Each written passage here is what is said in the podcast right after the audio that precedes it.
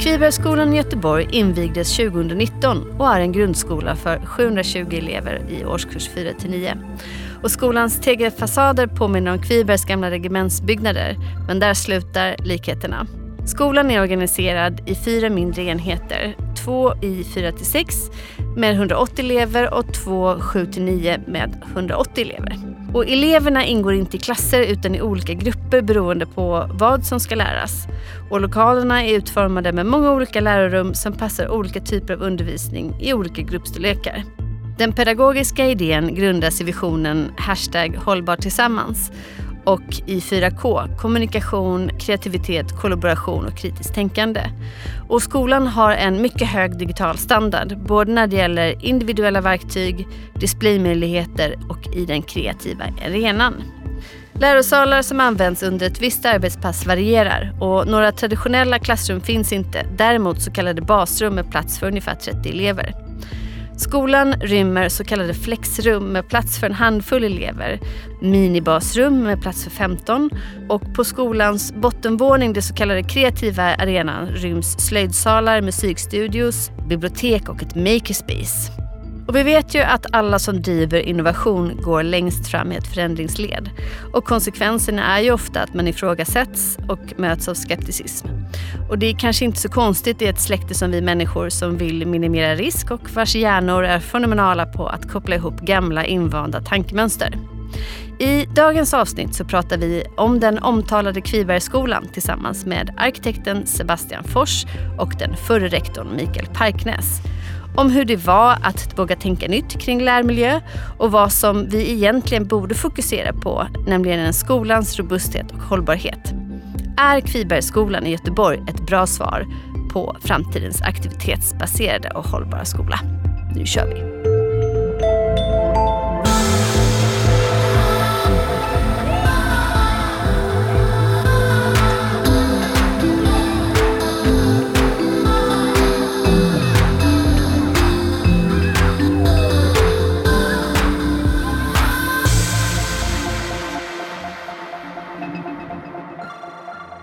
Med oss idag har vi arkitekten bakom Kvibergsskolan, Sebastian Fors, som är verksam på Sweco. Välkommen Sebastian! Kul att ha dig med. Hur är läget? Tack! Jättekul att vara här, Louise. Det är eh, rätt så bra med mig faktiskt. Du är ju lite av en doldis på Sweco.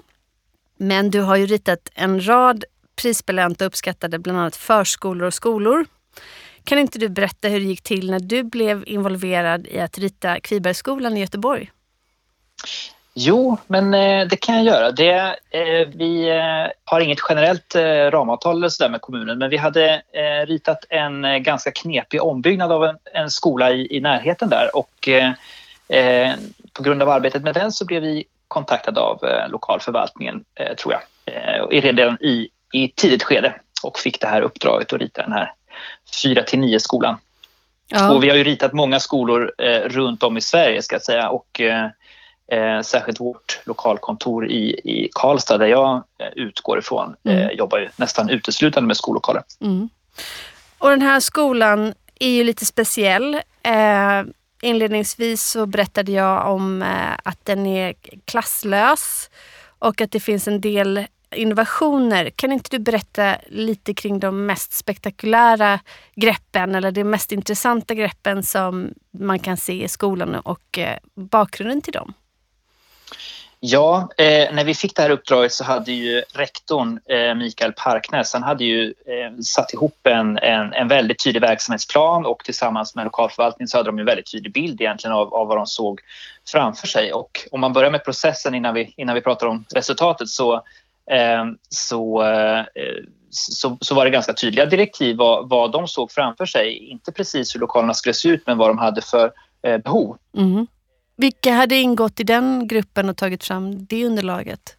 Ja, det kan nog Mikael svara på bättre, men, men det, det var en grupp av eh, bland annat, jag eh, tror jag att han, eller han har samarbetat med eh, pedagogiska experter, till exempel Peter Lippman. Mm. Eh, och eh, så har de ju matchat det här med, med lokalförvaltningens krav. För det ska jag säga att lokalförvaltningen i Göteborg har ju ett otroligt gediget lokalprogram eller rumsfunktionsprogram att utgå ifrån. Och I Mm. vissa fall så har vi eh, tänt lite på gränserna när det gäller det. Men, men de, de vet vad de vill ha i sina projekt. Så det här är, det är extra intressant på det sättet också just att de, att de ville eh, testa något, något nytt i, i det här fallet. Då. Eh, men Jag tänker vi kan Ja. berätta för de som lyssnar att Peter Lippman är en australiensisk-amerikansk eh, arkitekt och skolforskare, eller hur? Precis, jag tänkte att det, det var bättre att du sa det. Ja, det stämmer. och han har varit med i Kvibergsskolan och Glömstaskolan och lite andra skolor runt om i Sverige. Ja, Ja, men Eh, fortsätt. Så han är väl, ja, eh, men det jättebra att du sa det också. Eh, nej men, eh, det fanns något slags lokalprogram eh, och jag kan, jag kan då särskilja processen från andra processer för ibland så, så jobbar vi ju väldigt, vad ska man säga, eh, verksamhetstätt, särskilt när det finns en befintlig verksamhet med ett, till exempel ett lärar team som ska få en ny skola. Eh, och då lägger vi ofta väldigt mycket energi på att, eh, att dels göra ett förankringsarbete, att något nytt ska, ska hända och eh, liksom lyssna på, på allas behov och så utgå från befintliga lokaler och så vidare. Men i det här fallet så var det en helt ny, ny verksamhet som inte hade funnits tidigare. Så Mm. då, då hade vi, gjorde vi processen på, på ett annat sätt. Mm. Och eh, då, då tog vi det här verksamhetsplanen och eh, det översiktliga eh, behovet som man hade för det här eh, elevantalet Mm. och sen så eh, började vi, som, som vi alltid gör egentligen, att vi eh, internt i workshopform eh, pussla ihop det här lokalprogrammet Mm. eh, och, och gav dem några olika alternativ som vi tillsammans eh, värderade utifrån verksamhetsplanen kan man säga. Och vad är skillnaden på det lokalprogram ni tog fram jämfört med en, en mer traditionell skola? Ja, men det som, det som du är inne på det här med, med det klassrumslösa, Mm. eh, det, är ju, det är ju en sak och det ser vi i, i många projekt nu att man inte har att man inte jobbar med hemklassrum som man gör i en, traditionell skola. En traditionell skola har ju, är ju uppbyggd kring, kring liksom någon slags eh, internt eh, kommunikationssystem där, man, där alla klasser, man vet vart man ska gå och man har grupprum kopplade till, till klassrum och eh, eh, så kan man dela upp den här i liksom, eh, olika enheter men som, ser ganska eh, likadana ut. Mm. Eh, och eh, I det här fallet, och trenden, jag kan säga att det finns ju en generell trend att, att man går ifrån det. Och Mm. eh, Anledningen är ju dels att eh, en allmän modern pedagogik och läroplan eh, stödjer ju liksom samarbete mellan olika ämnen och olika grupper. Mm. Eh, och det, det kan vara svårt att få till i en traditionell skola med, med liksom, där alla rum ser likadana ut. Mm. Eh, och dess, dessutom inte rummen används i eh, särskilt hög grad. Det finns en, eh, en dansk bok som heter Kloka kvadratmeter som är, som är ganska bra som, som belyser det här. Eh, och jag tror att eh, det är ganska likt i Sverige att i, i många fall så används eh, skollokalerna, eh, har en beläggning bara på 50 procent Mm. över, en, Mm. över en skoldag. Mm. Eh, och för specialsalar så är det ännu lägre, ner på 35 procent. Och Mm. på, på något sätt blir det här en hållbarhetsfråga. Eh, fråga. att vi, kan, vi har inte råd att ha ytor som, som står tomma utan vi måste öka liksom, användandet. Eh, Mm. så det är någon sorts allmän trend som vi ser i många projekt och i det här fallet så är det väl draget eh, ett steg till. Man kan säga också att många mellanstadier, låg och mellanstadier har ju ofta kvar det här med hemklassrum just för att det är eh, yngre elever, att det Mm. finns ett behov av liksom att, att eh, samla sig i en, att man får en, en Tillhörighet. tillhörighet. Mm. Precis. Eh, I det här fallet har vi löst det på andra sätt. Mm. Eh, så att, som, som Mikael säkert kommer beskriva mer så, så ingår ju eleverna inte i traditionella klasser utan man är ju, eh, ingår i olika grupper och konstellationer beroende på, på ämne och eh, delvis kanske intresse och, och förutsättningar och behov och så. Så det där varierar över dagen och eh, därför så har vi har vi skapat en lärmiljö som består av större och mindre rum. Vissa rum eh, kan svälja en större enhet än en traditionell klass på 25-30 elever Mm. och det kombinerat med, med, eh, med mindre rum. Så att det finns, man kan säga att lärmiljön består av en, en palett av olika miljöer eh, anpassade för olika pedagogiska moment, eh, eget lärande, eh, grupparbete, interaktion, eh, digitalt lärande och, och, och att man gör det i, i i stora och mindre grupper. Så att det finns en väldig flexibilitet i det här. Eh, Jag måste Och, bara ja. fråga Sebastian, det, det låter som att det kräver mer gällande schemaläggning och samverkan av lärare. Att det här Ja. liksom på något sätt, det här kollaborativa arbetet kräver mer utifrån, om man jobbar nu aktivitetsbaserat, hur, hur jobbade man med det och hur fick man lärarna med sig i att tänka men det- på det här sättet? mm. Absolut så kräver det mer av en schemaläggare och det, det, har jag, det efterfrågar jag i, i varje projekt jag kommer in i. Att jag vill prata med den som lägger schemat just för att de på något sätt ska precis som man simulerar en hel del andra saker mm. när, man, när man håller på med ett projekt, att man också simulerar skolan och ser hur, hur beläggningen blir tidigt utifrån mm. det arbetssätt man vill ha. Eh, men i det här fallet så tror jag att de flesta rum är bokningsbara så att säga och att de, de lägger ett, ett schema väldigt tidigt. Jag tror att det, det faktiskt också ingick i den här verksamhetsplanen att man på något sätt simulerade och, och eh, på något sätt bevisade också för lokalförvaltningen att den här eh, Eh, den här konfigurationen av rum skulle liksom vara, vara tillräcklig för det elevavtalet mm, mm. som, som, man hade. Mm. Så att det, det, gjorde man körningar på och, kände sig trygg med innan mm. skolan var klar. Ska. Mm. När vi inledningsvis inför det här samtalet som vi har nu pratades vid så sa du lite att du ville lyfta det här med vad en skolas robusthet innebär. Eh, har du hunnit tänka någonting mer på det sen vi pratade sist? Ja, men, eh, det är ju en annan hållbarhetsaspekt egentligen att eh, vi som arkitekter har ju ett, ett eh, ansvar. Dels att byggnaden ska liksom som, som struktur ska kunna stå och fungera i, i kanske minst hundra år som vi brukar säga i alla fall. Och, och, då kan man ju tänka sig, om man tittar bara i historien så har ju pedagogiken förändrats 10 eller 20 gånger på den tiden mm. och med drastiska kast fram och tillbaka. Så att en slutsats man kan dra från historien är väl att eh, pedagogiken som vi har idag kommer antagligen se lite annorlunda ut i, i framtiden. Därför så är det viktigt att byggnaden kan, kan svara upp eh, mot nya behov och att man inte eh, målar in sig i en alltför specifik lösning. Ska jag säga. Mm, mm.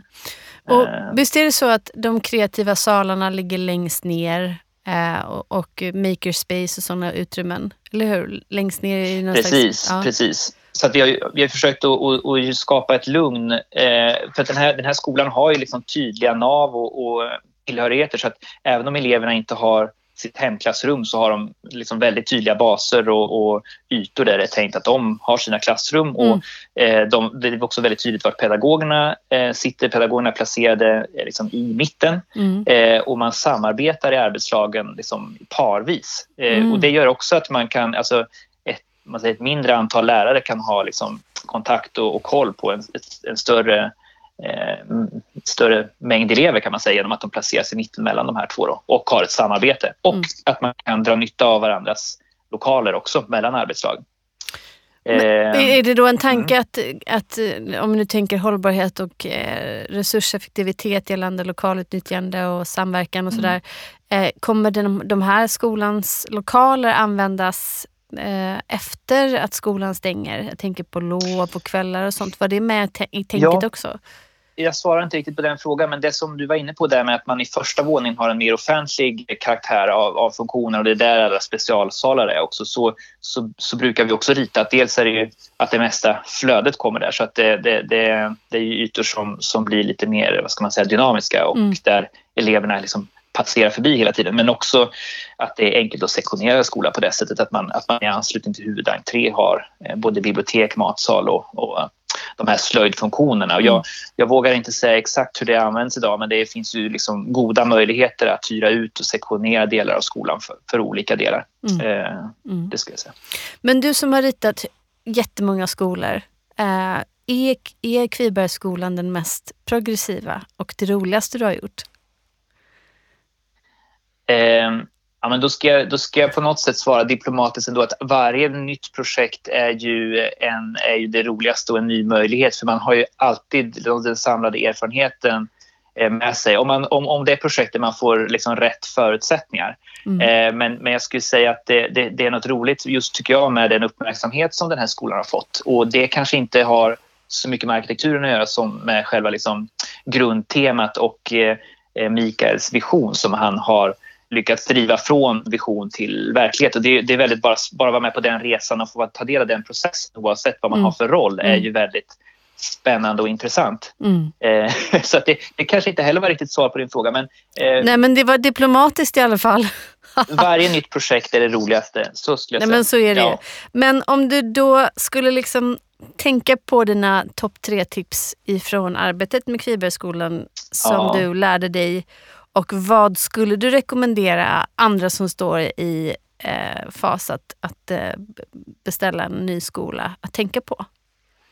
Ja, en, en punkt som vi inte har berört nu det är ju faktiskt att den här skolan har en ganska stor särskoleverksamhet som, mm. som ligger på bottenvåningen. Och en, eh, någonting som jag kan ta med mig från här, från det här projektet det är ju det här med, med eh, särskolans eh, behov av dels att ligga avskilt men faktiskt att man känner sig som elev har möjlighet att på olika sätt eh, interagera och integrera sig med resten av skolan och att mm. man inte att det är viktigt att man inte gömmer undan den elevgruppen. För det finns en, det finns en väldig potential i, i den elevgruppen och alla elever har olika behov så att man, man, eh, man måste också öppna upp för att de eleverna också kan, kan ta del av, av eh, lokalerna och eh, de andra eleverna på olika mm. sätt. Så det är, det är en punkt, att man eh, på något sätt försöker lösa den integrationen som har mycket med liksom, placering, logistik och eh, utemiljö att göra, ska jag säga. Mm.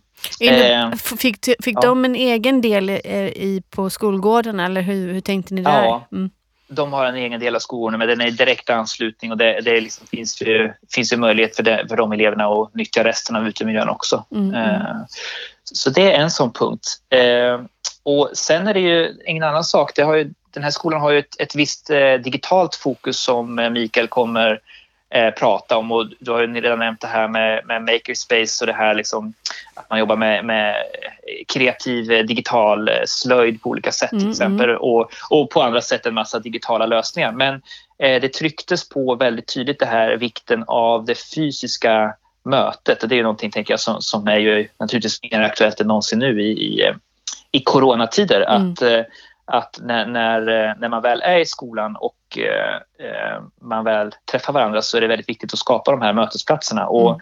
Det kan ju handla om att man gör kommunikationsytor är inte liksom bara korridorer utan att de är, man ger dem lite generösare mått. Man, man avslutar en, en passage med, med någon slags sittgradäng eller man, man eh, eh, knäcker flödena lite grann så att, man, så att man inte får den här känslan av en, en lång korridor. Eh, mm. så att just att eh, de fysiska mötena, att man, att man eh, försöker skapa möjlighet för dem där det går. Mm. Och så var det en tredje Den tredje, ja men det är nog att varje kvadratmeter är en pedagogisk yta och mötesplatser. Det är kopplat till det där med, med mm. vikten av fysiska mötet men också det att, att vi, vi har ju nyckeltal som vi förhåller oss till eh, när vi eh, alltid när vi ritar skolor. Den här skolan har ju precis samma nyckeltal som en traditionell eh, skola med klassrum och, och eh, korridorer. Mm. Men vi har disponerat ytorna bara på annat sätt. Så att ekonomiskt så kostar den ju lika mycket att bygga som en traditionell skola och det är ju det är viktigt att ha med sig. Men du, nu har du varit jättediplomatisk och du är väldigt kunnig. Eh, det vet ju jag som har varit gammal kollega till dig.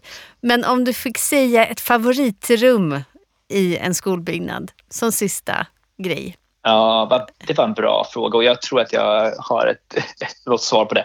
Alltså det är ju huvudtrappan ofta. Mm. Eh, när man har en byggnad med flera våningar. Den här byggnaden har eh, ett hjärta med två våningar och sen är det eh, omgivande delar med fyra våningar. Och mm.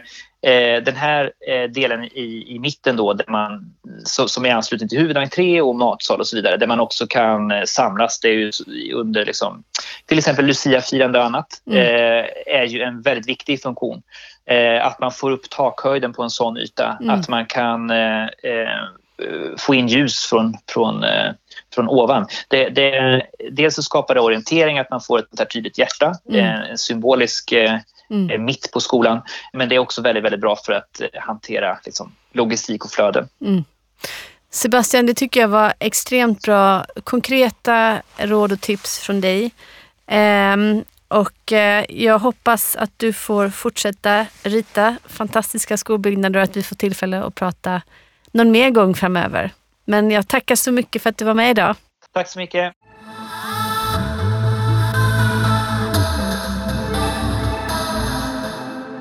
Dagens sidekick är Mikael Parknäs, före detta rektor på Kvibergsskolan och numera verksam på Paradis Produktion som bland annat ligger bakom programmet för Arvikas 7-9-skola som vi har pratat om i ett annat program. Hej Mikael! Kul att du är med! Hej! Jätteroligt att vara här och berätta om Kvibergsskolan. Ja, hur är läget? det är bra. Solen skiner och eh, det är ju coronatider men det är bra ändå. Och du, du sitter i Göteborg, det hör man nästan på dialekten. Ja, jag är född på eh, KK1 på Sahlgrenska. Ja, det, jag tror faktiskt att jag är det också. Alltså. Ja, inte riktigt lika länge sedan som du, men, men ganska länge sedan. Ja. Så vi får se om, om jag går över till någon slags göteborgska här. Men du, berätta, det är Kvibergsskolan som vi ska prata om idag. Och jag undrar, hur var det att ta fram det som blev eh, Kvibergsskolan? Vilka var ni som slog era tankar ihop och vad låg till grund för det som blev Kvibergsskolan? Ja, Detta är ju lite speciellt för att eh, jag fick ju jobbet att vara rektor för den blivande Kvibergsskolan. Den var inte ens byggd Nej. i februari 2016.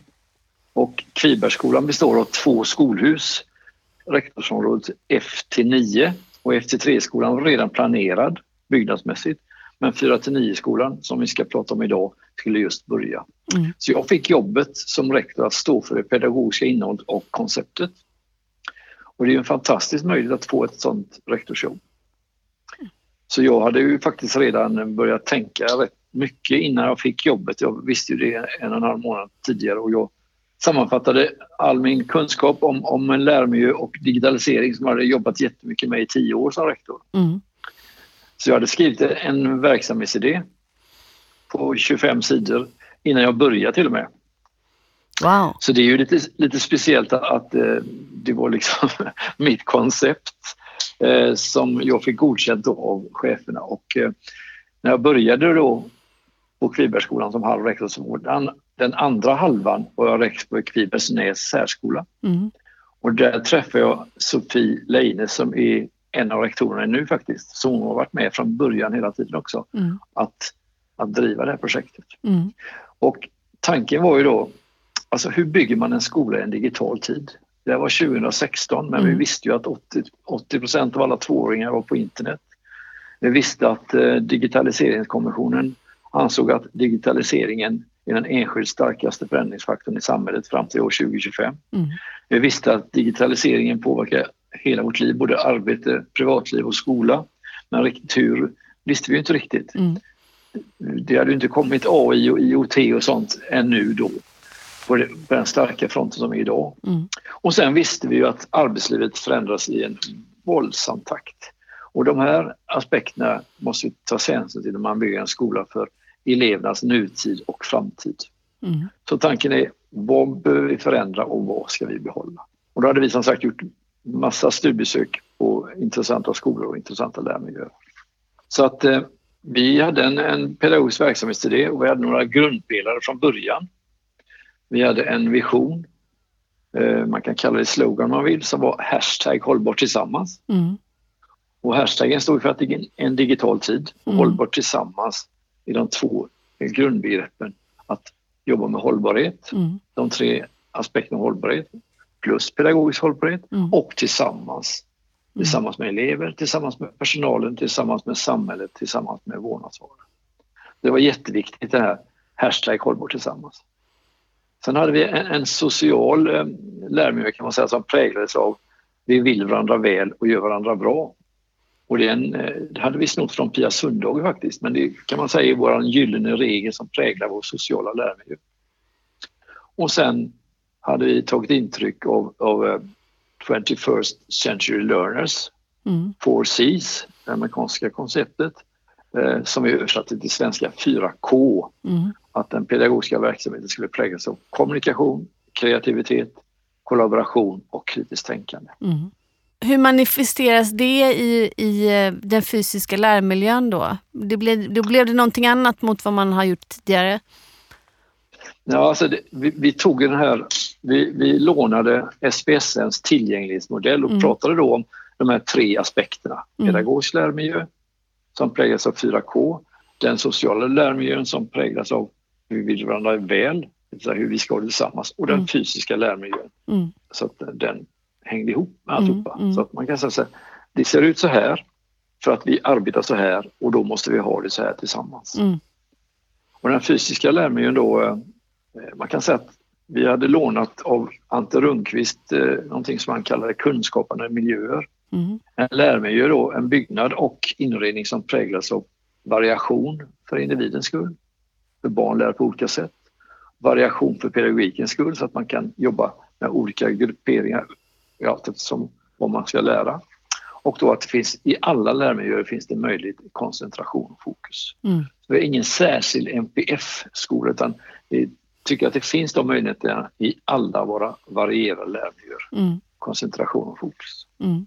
Och det hade vi alltså att jobba med när vi började den här gruppen som då Sweco och eh, lokalförsörjningsförvaltningen och jag satt med. Mm.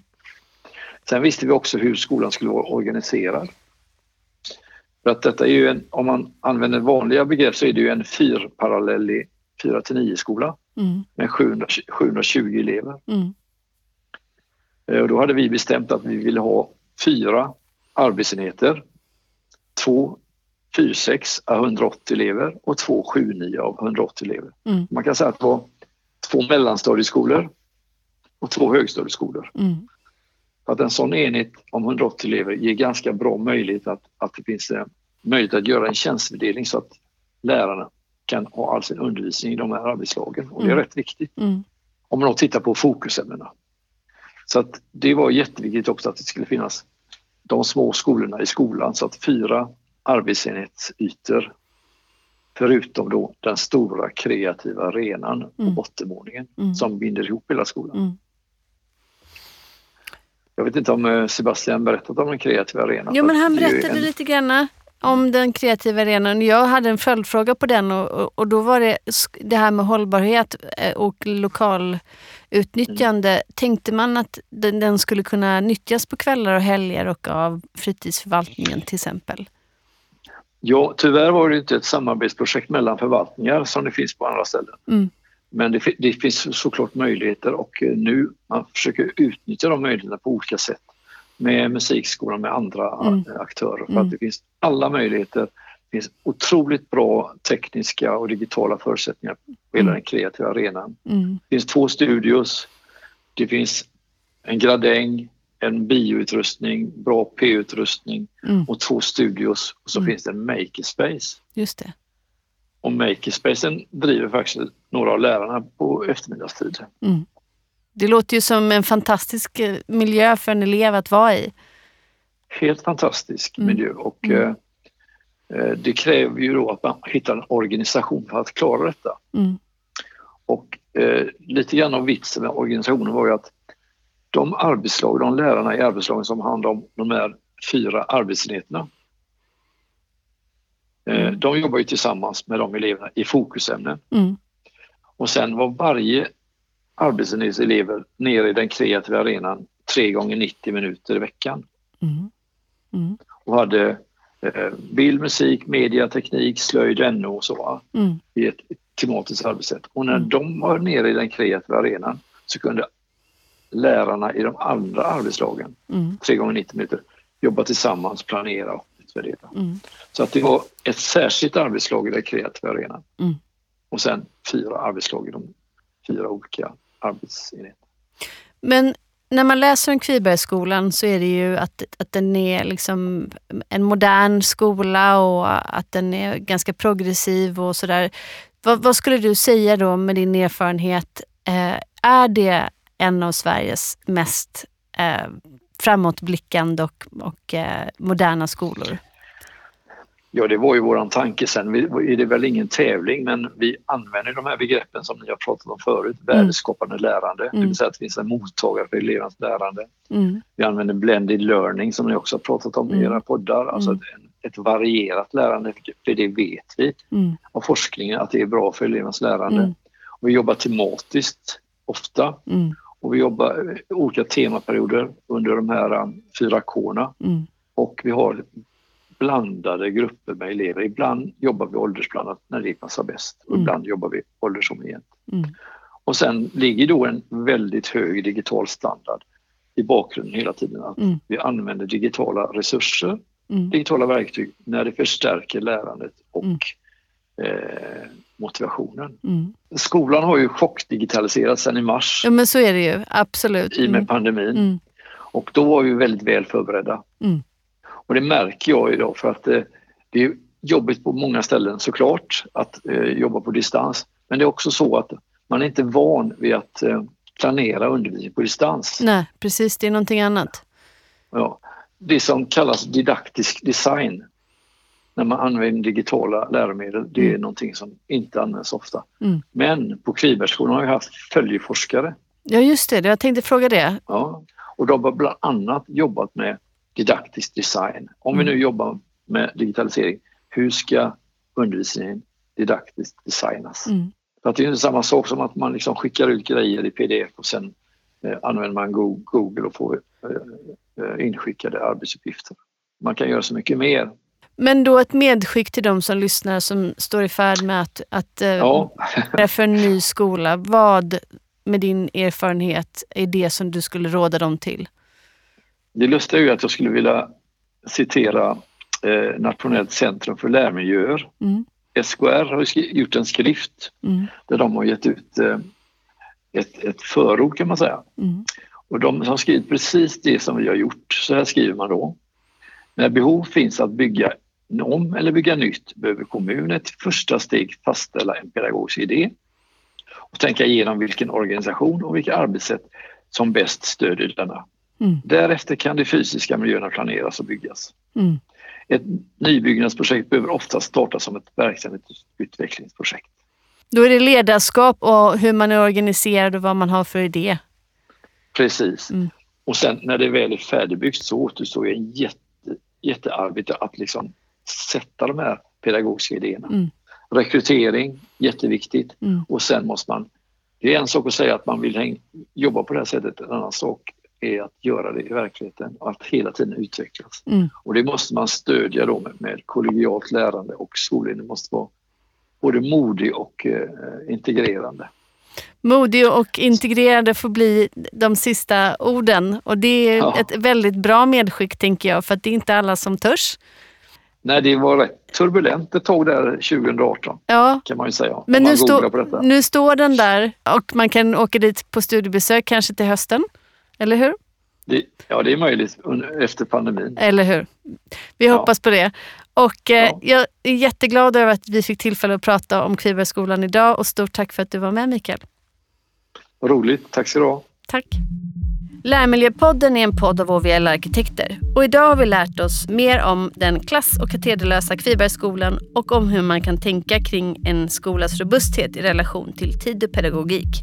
Och vi har också fått höra om hur det är att bedriva förändringsarbete i en ganska konservativ och åsiktstyngd bransch. Det var allt från oss idag. Glöm inte att följa oss i sociala medier och under hashtaggen Lärmiljöpodden och på awlark.se. Vi hörs nästa vecka.